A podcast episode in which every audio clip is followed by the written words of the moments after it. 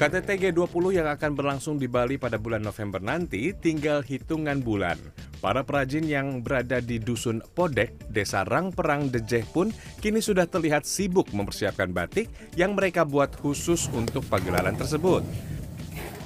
Batik Podek Pamekasan adalah salah satu batik yang digandeng oleh Kemenparekraf untuk ikut serta dalam KTT G20 mendatang.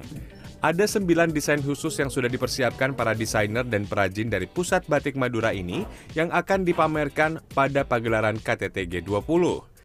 Sembilan desain batik yang disiapkan adalah Kembang Tujuh Rupa, Negeri Bahari, Joko Piturun, Corona, Madura for the World, Sekar Jagat Bayangan, Rifayah, Bungsana, dan Hokosan. Hadi, salah satu desainer dan perajin batik mengatakan, selain mengangkat kearifan lokal Madura dan Indonesia secara umum, beberapa desain batik akan tampil dengan memadukan ornamen yang menjadi ciri khas negara-negara peserta G20.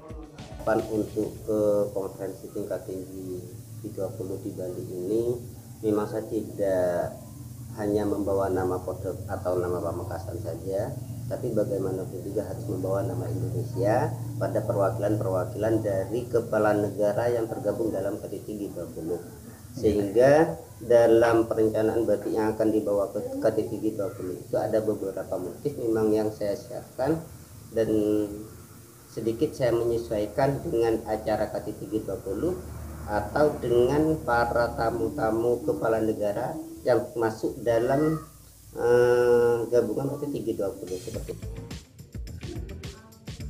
Hingga kini, 6 dari 9 desain batik sudah selesai dibuat oleh perajin di Dusun Podek, Desa Rangperang Dejeh, Propo, Pamekasan.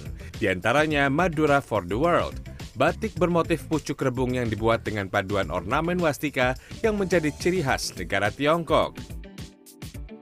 Tidak hanya itu, terdapat batik yang mengadopsi motif sekar jagat Pamekasan dengan model susunan batu bata dan paduan kaligrafi. Ada juga motif corona yang dibuat oleh para perajin saat wabah corona melanda dunia. Selain tema universal, ada juga beberapa desain lokal di antaranya bungsana dan hokosan, serta kembang tujuh rupa atau yang dikenal dengan istilah dak kembang. Selain kain batik untuk baju, para perajin juga mempersiapkan kain batik untuk selendang, taplak meja, dan hiasan dinding yang disesuaikan dengan desain yang ada. Untuk harga, batik asal Pamekasan ini dibanderol 1 hingga 12 juta rupiah tergantung kualitas dan motif batik. Kamaludin Harun, Pamekasan, Jawa Timur.